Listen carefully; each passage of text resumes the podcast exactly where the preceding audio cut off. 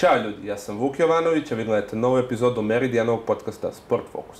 Sa nama je danas futbaler Čukaričkog, Stefan Kovač. Zdravo Stefan, dobrodošli i hvala što se odazvao našem pozivu. Dobar dan, bolje vas našao. Hvala. Ljudi, počela su evropska takmičenja, naši klubovi odlično guraju. Hitamo ka tom 15. mestu, a mi smo baš iz tog razloga hteli da prokomentarišemo kako je to novo takmičenje, ta Liga konferencija. Stefane, prvo da ti pitam kako si počela sezona, kako se ti osjećaš, je li sve u najboljem redu? Pa, evo, krenuli smo ovaj sezonu, da kažem, kako treba. Krenuli smo uh, pobedom ovaj, u prvenstvu. Sljedeću utakmicu protiv Sungajta kod kuće smo igrali nerešeno, iako smo napadali svih 90 minuta. Bukvalno su parkirali autobus ovaj, pokušali da, da ostvare svoj cilj da ne prime go. Ovaj, oni su uspeli u tome i otišli smo posle 7 dana tamo i sva sreća otvorili smo utakmicu kako treba sa brza dva gola i priveli utakmicu, da kažem, ovaj, malo smo se ono i povukli i priveli smo utakmicu kako, kako treba, to jest ono što nama odgovora, a to je, to je prolaz u, u treći kolo. Da malo približimo publici, ljudi kada vide, smatraju da to nije neki atraktivan protivnik, da to treba Čukarički lako da prođe, ne samo Čukarički Vojvodina koja je igrala sa predstavnikom iz Litvanije. E, da približimo koliko je to teško putovanje, ti protivnici uopšte nisu ni malo naivni. Možeš malo da nam objasniš kako je sve to izgledalo? Pa, slažem se ovaj, sa vama. Ljudi malo pocenjuju Ligu konfe, konferencija, ovaj, jer su, eto da kažem, e, manje poznati protivnici, ali u današnje vreme svi igraju futbal, svi su digli taj, ovaj, da kažem, fizički E, nivo u futbalu i ovaj, nije lako stvarno igrati ni, ni sa jednom ekipom. Svako ima svoju, svoju prednost, a naravno ima i mana i mi moramo da, da se za svaku utakmicu pripremimo ovaj, što, je, što je najbolje moguće, da, da ih analiziramo, da imamo gde su im te ovaj, najveće slabosti i eto da da, da, da idemo da, da i pobedimo svako, svakog protivnika koji, koji nam najđe. Koliko je teško analizirati Azerbejdžance? Niste baš imali prilike da se susrećete sa njima? Mislim, možda je to bolje pitanje za vaš stručni štab, ali sigurno da ste vi igrači morali da se fokusirate malo Pa više. da, ispratili smo to. Iskreno, ovaj, pred prvu utakmicu oni, oni, nemaju, oni nisu imali ni, ni jedan ovaj, snimak sa prethodnih, to, sa prethodnih utakmica, sa prijateljskih utakmica. Tek tek iz prošle sezone ovaj, smo imali posljednju utakmicu, ali tu je ovaj prelazni rok, e, menjali su se ovaj e, igrači, ono otišli su neki, neki su došli, onda nismo mogli da da ispratimo da ispratimo ovaj e, kako kako oni igraju. Ali eto, najbolja analiza nam je bila posle naše te prve utakmice u Beogradu, gdje smo videli ovaj, gdje nam je to, to falilo, gdje, gdje možemo da ih, da ih ugrozimo i eto, pomoglo nam je dosta to što smo ih što smo radili analizu iz Beograda. Da li u prvom meču možda falilo, to smo videli na primjeru Zvezde, možda taj mali broj utakmica pravih pred početak kvalifikacije?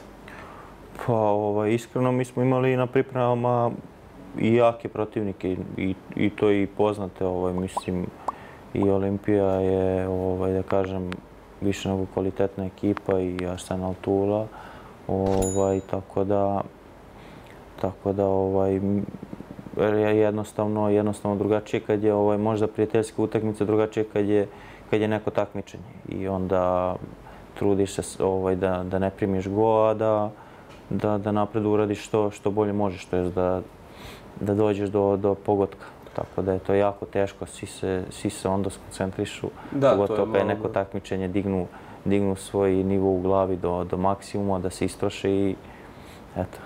Čukarički već u neku, neki period u tim e, kvalifikacijama i ima taj ritam igranja dva put nedeljno. Kako to iz ugla igrača izgleda? Da li je to teško? Kako izgleda u stvari oporaviti se nakon takvih utakmica? Ovaj, pa naravno ovaj, da, je, da je teško, moraš da budeš fokusiran uh, bukvalno non stop na, na futbol i da ulažeš u, u svoje telo, da, da, da odmaraš, da, da uradiš neku i aktivaciju i da piješ i suplemente, tako da ovaj, trudimo se što, što je bolje moguće da se uvek oporavimo što pre i što kvalitetnije za sljedeću utakmicu. Naredni protivnik su Šveđani. Kako ti gledaš, da li, da li možete sa njima Gdje li imate svoje šanse? Ovaj, pa svaki može da se igra. Iskreno, ja sam gledao utakmicu u Švedskoj proti Maribora. Ovaj, pa mislim da su jako spremne i disciplinovana ekipa pre svega. Ovaj, naš trener Milojević je to, eto da kažem, namestio da su, da su jako disciplinovani. Ovaj, pa ne bih ja tu nešto izdvajao, možda bi levo krilo kao nekog, eto, što mi je zapao u oko neki kao majstor ovaj, Salmani uh, i zadnji vezni ovaj, Bojanić, to je to, mogu da njih izdvojim i ovog našeg Vladu Rodića. Eto. Znači, već, znači već si se dobro spremio za sam meč? Pa jedna utakmica ovaj, ništa ne znači. Naj, naj, najbolje je da gledaš što više da saznaš što više informacija o protivniku iz više utakmice. Koliko ti pomažeš na pripremu pred utakmicu? Bilo da je reč o Superligi ili o utakmicama u Evropi? Pa, pa eto, iskreno volim da pogledam pred to, utakmicu e, te neke igrače e, koji su eto, kod mene na poziciji da znam kako, kako, kako, kako ide u napad, kako ide u odbranu, da probam da, da budem što bolje pripremljen za, za te, eto, da nađem neke moje, moje prednosti. Pomenuo si malo pre da je Liga konferencije pocijeljeno takmičenje. Novo je, ljudi još nisu se navikni na neki način. Kako je tvoje mišljenje? Da li to početak odvajanja bogatih od uh, siromašnih? Da li to u stvari daje priliku siromašnjima da se što bolje spreme da jednog dana igraju sa malo bogatijim klubovima? Kako ti sve to vidiš? Pa iskreno, iskreno da budem, ovaj, ja sam razmišljao isto tako koji većina ljudi da je to eto, kao neka ovaj, pocenjena liga, ovaj, da kažem eto, za te siromašnje klubove, ali, ali ovaj, predomislio se kad sam vidio kakve ovaj, su ekipe. Mi recimo, ako prođemo, ako prođemo Hamarbi, nas možda dočeka Tottenham. Znači, Tottenham, Basel, to su... Mislim da je to su... Kopenhagen, čak je... A, mis... Mislim da ste vi u, u čak u ovom drugom, u trećem kolu mogli izvučiti Kopenhagen. Mislim da su oni bili uh, potencijalni... Nisam, nisam siguran za to, ali znam da je ovdje, ja mislim, Basel, Tottenham i, i Karabak ovaj iz Azerbejdžana. Tako da, eto, sad kad pogledate, to su, to su ozbiljne ekipe. Još malo ćemo se zadržimo na evropskom futbalu. Sada je aktualna priča ponovo ona takozvana Superliga što su naprav, pokušali da ih naprave najvećih 12 klubova, to je uslovno rečeno najvećih 12 klubova u Evropi. Sud je dosudio da UEFA ne sme više da kažnjava Real Madrid, Barcelonu, Juventus i ostale osnivače, da ne sme pokreći nikakve postupke protiv njih. Kako si ti vidio tu Superligu kao broj 1, a pod broj 2, da li misliš da je ona realna u nekoj budućnosti da se ostvari? Pa iskreno, ja sam protiv toga. Meni je od malena san i sad mi je san da, da mislim kao i svakom igraču da zaigra Ligu šampiona. Sada neko ide ovaj, da ode u neke te veće klubove i da igra tu Super Ligu. Meni je to, meni je to da kažem, moram da se izrazim tako vam pameti. Da li misliš da ovaj. će ta liga da se, kad tad ostvari, da se pa? Pa isto, ne znam, na svetu svašta može nešto da se promeni. Ovaj, stvarno, stvarno ne bih znao šta da kažem. Oni su, kako su brzo napravili, tako su brzo i završili, ali meni deluje da će nešto to u budućnosti... Pa da... oni su pokušali, ali pa... ljudi, narod, igrači se nisu slagali sa time. Ja, ja se ovaj, potpuno... Kako ti kao futbaler u tom momentu se osjećaš razočaran? Se osjećaš... Ja sam se osjećao mislim konkretno ja se osjećam poniženo još ja i ne igram ovaj to ko znam možda sam blizu možda i nisam blizu da, da igram ovaj u tak, u takvim klubovima ali ne, ne mogu ni da zamislim kako je kako je ovi ovim ostalim koji su se igračima koji su eto na nekom vrhunskom nivou koji koji igraju ligu šampiona eto na primjer tu super ligu ne mogu da igraju to je za mene ovaj i mislim da je i za svakog igrača ponižavajuće da, da se eto neki ti klubovi odvaje. Pa, na primjer, Lic je imao period s onim majicama koje je nosio da treba provodi izbore na terenu, ostali klubovi, mislim da su baš u tom momentu ili dobili ili igrali nerešeno sa Manchester City, pa su pokazali da postoji futbol i van tih 12 klubova. Tako je, tako je. Ovaj, pa eto, ostao bih pri tom mišljenju da je eto, za svakog klinca i za svakog igrača je najveći uspeh da da osvojiš ligu šampiona, da, i, da zaigraš ligu šampiona. Ovaj, to je, ne znam, isto kao kad bi zemlje napravile svetsko prvenstvo i ne znam sad pet, pet ovih najboljih, najboljih država. Da. Mislim da je to eto, glupo. Pa ne daju ljudima prosto da se takmiče, da pređemo malo na neke vedrije teme. Ja sam, kao što sam ti rekao u premisiji, teo sam malo da prokomentarišem o konceptu Čukaričkog. Kako si ti došao u Čukarički, kako ti vidiš taj koncept, da nam malo to približiš iz prve ruke? A, ovaj, pa eto, ja sam, ja sam prošao sve mlađe kategorije Crvene zvezde i ovaj, negde s, u omladincima sam prešao na pozajmicu u IMT igrao sam treću ligu. Ovaj, I odatle ovaj, imao sam, imao sam ovaj, da kažem, dobre partije, dao sam dosta golova u nekom kratkom periodu i zapao sam ovaj, ljudima iz Čukaričkog za oko. Eto, kontaktirali su me i, i došli do tog nekog dogovora. Mislim, mislim da je to najzdravija priča za, za mladog igrača jer jer da kažem guraju mlade igrače da da ovaj da se što pre prilagode u seniorskom fudbalu i ovaj naravno uz te da kažem neke iskusne igrače. Nema ih puno ali to dovoljno da dovoljno da Docić, Kajević, Belić sve su to ovaj da kažem iskusni Puškarića da ne zaboravimo ovaj su to iskusni igrači koji mnogo znače ovaj, nama mladima.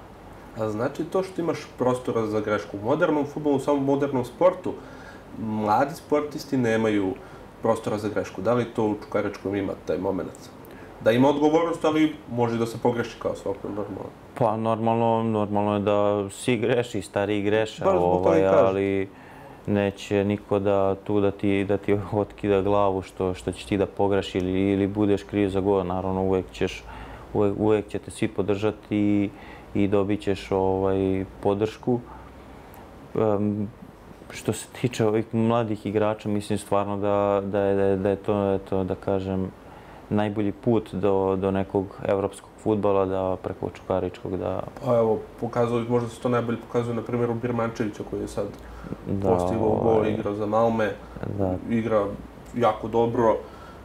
To, ja mislim da u srpskom futbolu fale takve priče, da je Čukarički možda, nažalost, usamljen slučaj. Da sve, sve se svodi na Zvezdu i Partizana i nekako Čukarički prolazi ispod radara.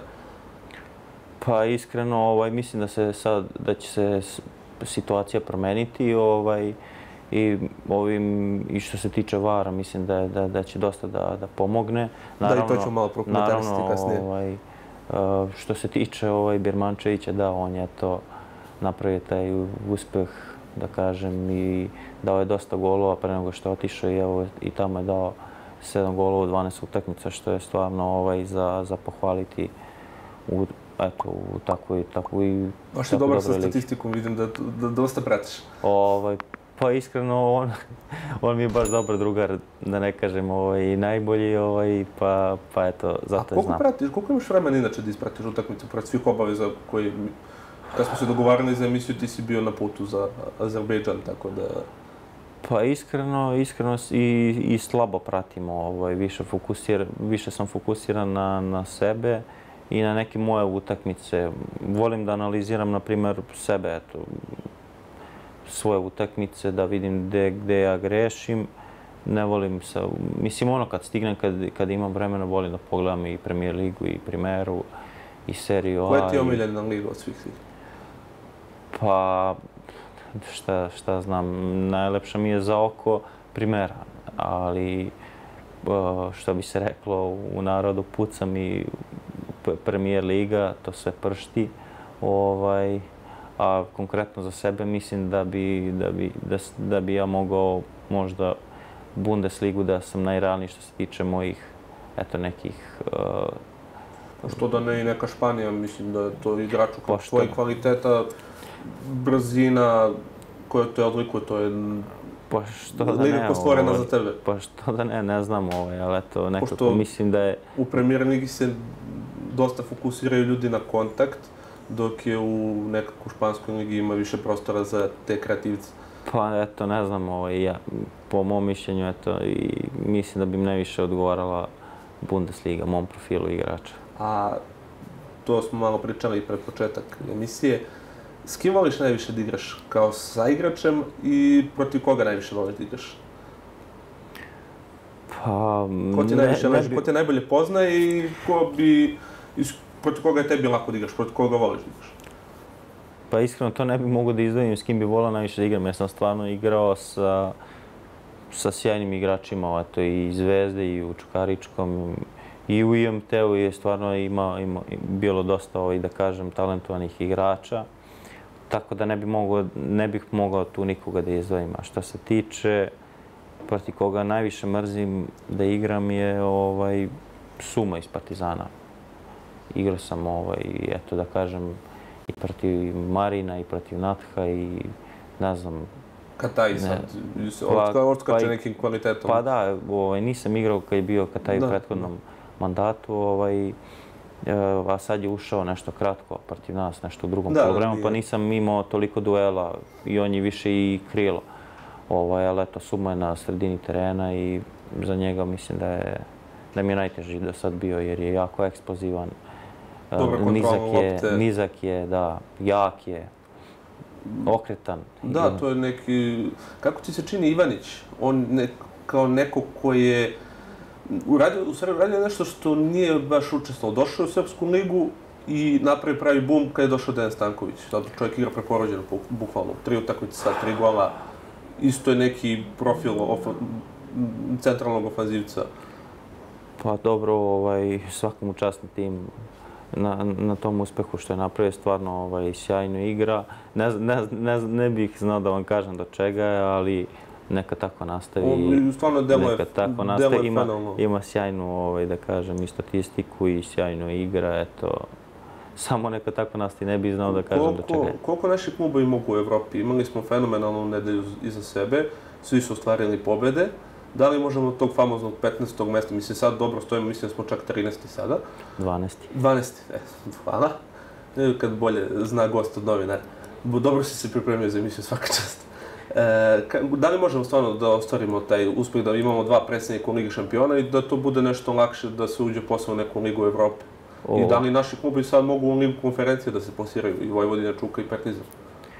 Ovaj, pa iskreno, ni, ne bih znao ni na to da odgovorim, ali e, znam samo da, da će svi dati sve od sebe i da će, da će što bolje ovaj, pokušati da odigra na terenu, da, da dođe do to nekog cilja. Svi bi mi bi volali da, da prođemo dalje i svi, stvarno ćemo svi dati sve od sebe. Sad, ko, ko će proći to... Da li je to uticalo malo, taj fokus na Evropu, da li je uticalo malo na domaći šampiona, da to malo bude u drugom planu ili kako vi to handlujete, kako vi to... Uh, mi to gledamo, mislim, isto. Sad nekom, nekome će to biti čudno, ali eto, gledamo uvek utakmicu po utakmicu. Ako nam je sljedeća utakmica u Evropi, maksimalno smo skoncentrisani na, na tu utakmicu. Ako je sljedeća utakmica u prvenstvu, nama je to najbitnije. To nam je bukvalno finala Liga šampiona. Znači, ono, svi, ovaj, koliko nas ima, 25 igrača, svi smo fokusirani samo na tu jednu utakmicu i, i za nju se spremamo maksimalno i tako radi. Ja bih sad o, za ovaj poslednji deo emisije htio malo da se osvrme na tvoju karijeru. Kao što si rekao, počeo si u Zvezdi. E, bio mi je još jedan igrač u emisiji koji bi isto tako bio u Zvezda, Lazar Tofekđić. Predviđalo se da će doći do prvog tima, na kraju se zaobilaznim putem i mora da dođe do nekog svog statusa. Kako to sve tebi izgledalo u tim momentima? Ovaj, pa eto, naravno, naravno da mi je bilo krivo što je što ovaj, nisam došao do, do senijorskog tima Crvene zvezde, pogotovo što sam imao eto, taj profesionalni ugovor. I, ali, eto, ja sam pokušao nekim, e, te, da kažem, težim, težim put, zaobilaznim, putem, zaobilaznim putem da dođem do, do senijorskog tima, ali eto, e, ne mogu ni da se žalim, tu, tu, su, tu su bili stvarno sjajni igrači koji, koji su igrali sa mnom, tako da eto, ja stražio svoj neki put, išao preko, preko treće lige i eto, došao do Čukaričkog i ide sad to svojim tokom. Ali volao bi sad isto zbog igrača koji se nalaze u nekoj sličnoj situaciji kao što si ti bio tada. Kako da im nekako pomogneš Kako si ti izborio sa tim pritiskom? To nije, uopšte nije lako. To verovatno, da li si razmišljao da li ću da prestanem da igram futbal? Da li je to za mene? Da li treba da se orijentišem na nešto drugo? E, iskreno jesam. Ovaj, pogotovo kad sam eto prelazio 12 godina od Zvezdi i kad sam saznao ovaj, to jest kad sam dobio da kažem eto tu tu priliku da igram treću ligu ja sam ja sam ovaj totalno potonuo i rekao šta ja da igram treću ligu? Međutim ovaj kad sam odradio sve to i kad sam vidio da je ipak ono iz i omlinski futbal i senjorski fudbal kao, kao da nemaju veze sa vezom eto ta, tako bukvalno mogu da kažem. Uh, svim igračima bih rekao da da ne razmišljaju da iz omladinaca pređu da igraju treću ligu. Da ja, ja sam išao eto taj, da kažem, korak po korak. Nisi preskakao stepenike, to pa, je jako bilo bilo nisam preskakao stepenike, da, svuda sam se eto zadržao. Treću ligu sam odigrao godinu dana, evo sad sam, sad, sad ću početi treću sezonu još malo da, Šta je igram. ključna razlika u tom prelasku iz juniorskog u seniorski?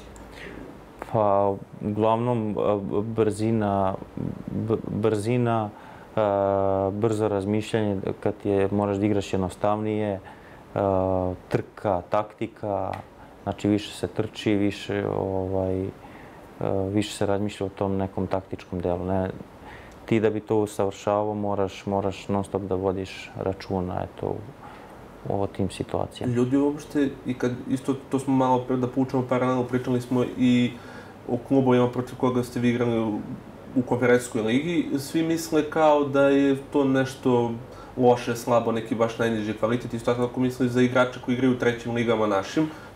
Ljudi nemaju pojma uopšte da tamo igraju neki stvarno majstori koji stvarno znaju, najbolje se snalaze na tim terenima.